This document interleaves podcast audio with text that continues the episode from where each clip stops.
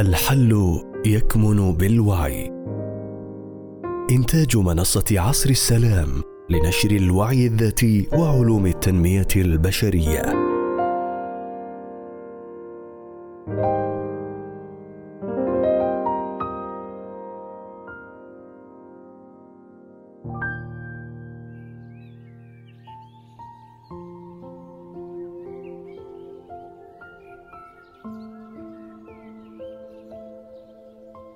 تجاوز المتناقضات في الحياة. للكاتب يونس.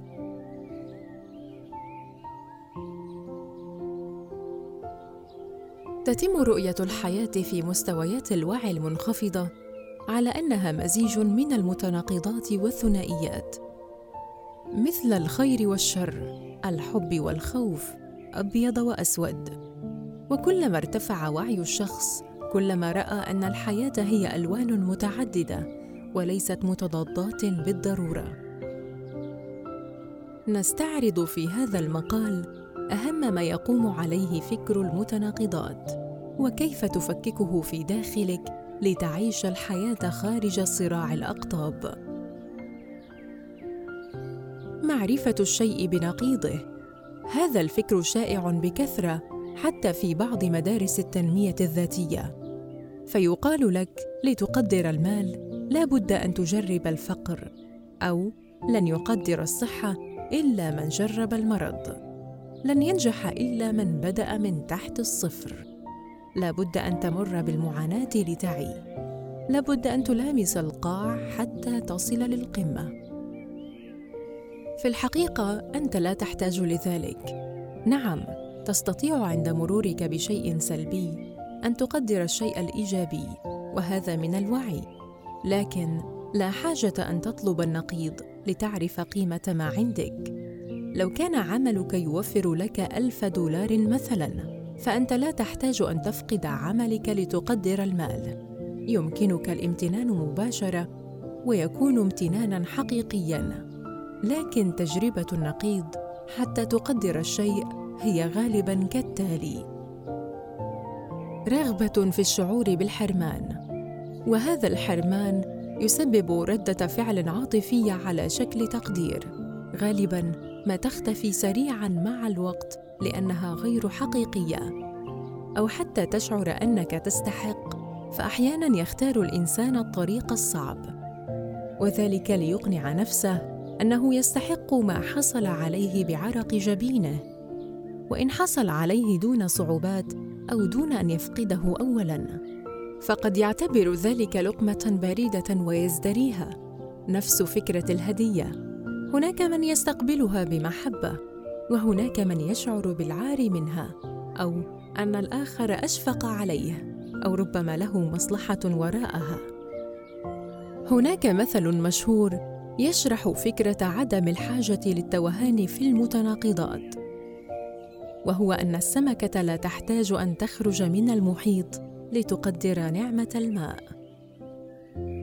التذبذب والكمال. هناك اعتقاد سائد أن التذبذب هو من سنن الحياة. فأنت اليوم مريض وغدا متشافي. اليوم مبتهج وغدا حزين. وهكذا يرى الناس الحياة كصعود ونزول دائم. لذلك فكرة الكمال مرفوضة بشدة في الوعي الجمعي. فمن غير المعقول وجود شخص هادئ لا يغضب أو شخص عنده وفرة دائمة. ولو وجد إما لا يتم الانتباه له أو تتم محاولة الاستنقاص منه. بأنه من المؤكد أن له مجالات أخرى منخفضة في حياته. نظرية الأربعة وعشرين قراط أو ربما يتم اتهامه بأنه منافق ويخفي متعمدا جانبه المظلم. لذلك يتغذى الايجو على فضائح المشاهير أو بالأخبار التي تقول أن سعادتهم مزيفة وذلك ليؤكد اعتقادا أن الحياة متذبذبة بين السلبي والإيجابي وأن هذا هو الطبيعي. حتى تنتبه إلى زيف هذا المفهوم ابدأ بملاحظة الأشياء الكاملة في حياتك. منذ ولادتك إلى الآن والتي قد تكون معتادا عليها لدرجة أنه لا يخطر ببالك أنها فعلا كاملة ولا تتأرجح صعودا ونزولا. قد تكون عندك ميزة الجمال وأنت غير منتبه لذلك. حواسك الخمس من المؤكد أنها تعمل بشكل سليم أو على الأقل أغلبها. هل بت في العراء سابقا؟ ليس على سبيل التخييم طبعا. أم دائما كان هناك سقف يؤويك؟ عندما تبحث ستجد عدة أوجه للكمال في حياتك. تخيل شخصا يقول لك أنه من الطبيعي أن الماء يتذبذب فاحيانا يوجد واحيانا ستظل عطشانا وهذه سنة الحياة. وأنك لن تعرف قيمة الماء إلا بفقدانه. من المؤكد أنك ستضحك على الفكرة. التذبذب الطبيعي هو ما يكون بين شيئين حقيقيين مثل أن تنام وتستيقظ أو بين أن تعمل وترتاح. وهذا ليس المقصود طبعا من التذبذب. لكن القصد من التذبذب المزيف هو ما بين الحقيقة والزيف. في مستويات الوعي المنخفضة عندما يظهر لك شيء سلبي إما أنك سترى أن هذا طبيعي وإنه يوم لك ويوم عليك. أو أنك ستكتب شعورك وتتظاهر بشيء إيجابي حتى تعيش في عالم موازي. لكن مع زيادة الوعي أنت تعرف أن الانخفاض ظهر لسبب ما وأن التباين بين الحقيقة والزيف ليس علامة صحية أو قدرا محتوما. فأحد مستويات الحقيقة هو الحكمة 400 هاوكنز. ويعني دائما أن هناك سبب ونتيجة. فمشاعرك مثلا لا تنخفض دون وجود سبب لانخفاضها.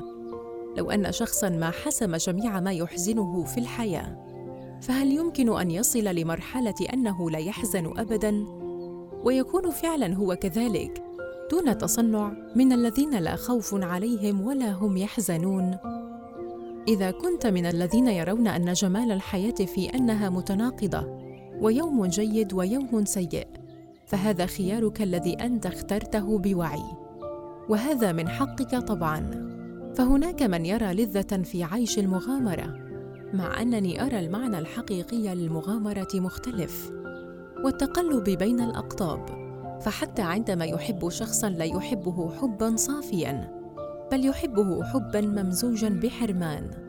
تأنيب خوف تحكم. ما إذا اخترت هذا الخيار ودافعت عنه فقف وراء خيارك حتى لا تناقض نفسك. بما أنك اخترت التقلب بين السلبي والإيجابي فعندما تمر بالسلبي اقبله لأنك اخترته. كأنك اخترت حبس نفسك في غرفة حتى تشعر بقيمة الحرية. فلا تبحث عن حل للخروج من المأزق الذي أنت صنعته وإلا فأنت غير صادق في أنك تريد عيش النقيضين وأنت تريد عيش البعد العالي في الحقيقة. عندها أعد قراءة المقال من أوله. في الوعي الجمعي وفي بعض مدارس التنمية الذاتية أيضا يتم تعريف التوازن على أن الحياة هي مزيج ما بين الإيجابي والسلبي. فمثلا الشخص العادي يعيش حياته 60% بشكل إيجابي و40% بشكل سلبي وقد تختلف النسبة حسب مجالات حياته المختلفة صحة، علاقات، مشاعر. أما الشخص الذي يسمى إيجابي فهو الذي تصل نسبة إيجابيته من 80 إلى 90% مثلاً. أما إذا وصلت إلى 100% مثلاً فيتم اعتباره شخصا حالما كاذبا غير واقعي. وفعلا قد يكون كذلك حقيقة وقد لا يكون. وستعرف كيف تفرق كما سأشرح لك الآن. بالرجوع إلى مفهوم التذبذب فإن تعريف التوازن حسب ما هو منتشر قائم على نفس الفكرة فالإيجابية المصنعة هي مجرد تقييد للسلبية. فعندما يخاف شخص يسمي نفسه ايجابيا فهو لا يحرر خوفه بل يغطيه بالتفاؤل مضاعفة العمل الابتعاد عن الأشخاص الذين يذكرونه بالخوف وهكذا دون حسم السبب الأصلي للخوف. المفهوم الحقيقي للتوازن هو إدراك وهم السلب أصلا. إذا كان الشعور السلبي سالب واحد فأنت عادة ستضيف له موجب واحد حتى يتوازن ويصبح صفر. لكن ماذا لو مسحته بالممحاه وكتبت الرقم الذي تريده عوضا عن ذلك؟ عندما تنظر للمشاعر السلبية على أنها وهمية وأقل من مستوى الحقيقة 200 على مقياس هاوكنز فأنت لن تحتاج لمعادلتها بشيء آخر. يكفي أن تحسمها وتحررها لتجد أنها وهم وتتجاوزها. من المشاعر العالية أيضا متوازنة بحد ذاتها. فبعد أن تبتهج فلا حاجة أن تحزن حتى تعيش التوازن إلا إذا كانت بهجتك هروبا من شيء آخر. فالوهم ليس قادرا على تعكير صفاء شيء حقيقي. التوازن الحقيقي يحررك تماما من التعلق بأي شعور. فمثلا قد تكون متعلقا بشعور الحب وذلك بسبب شعورك بالحرمان أو أي سبب آخر حسب تركيبتك. إذا بدأت برؤية معيقك على أنه وهمي تماما وقمت بالتحرر منه فأنت لا حاجة لك أن تتعلق بالحب لأنه أصلا موجود كشعور الآن.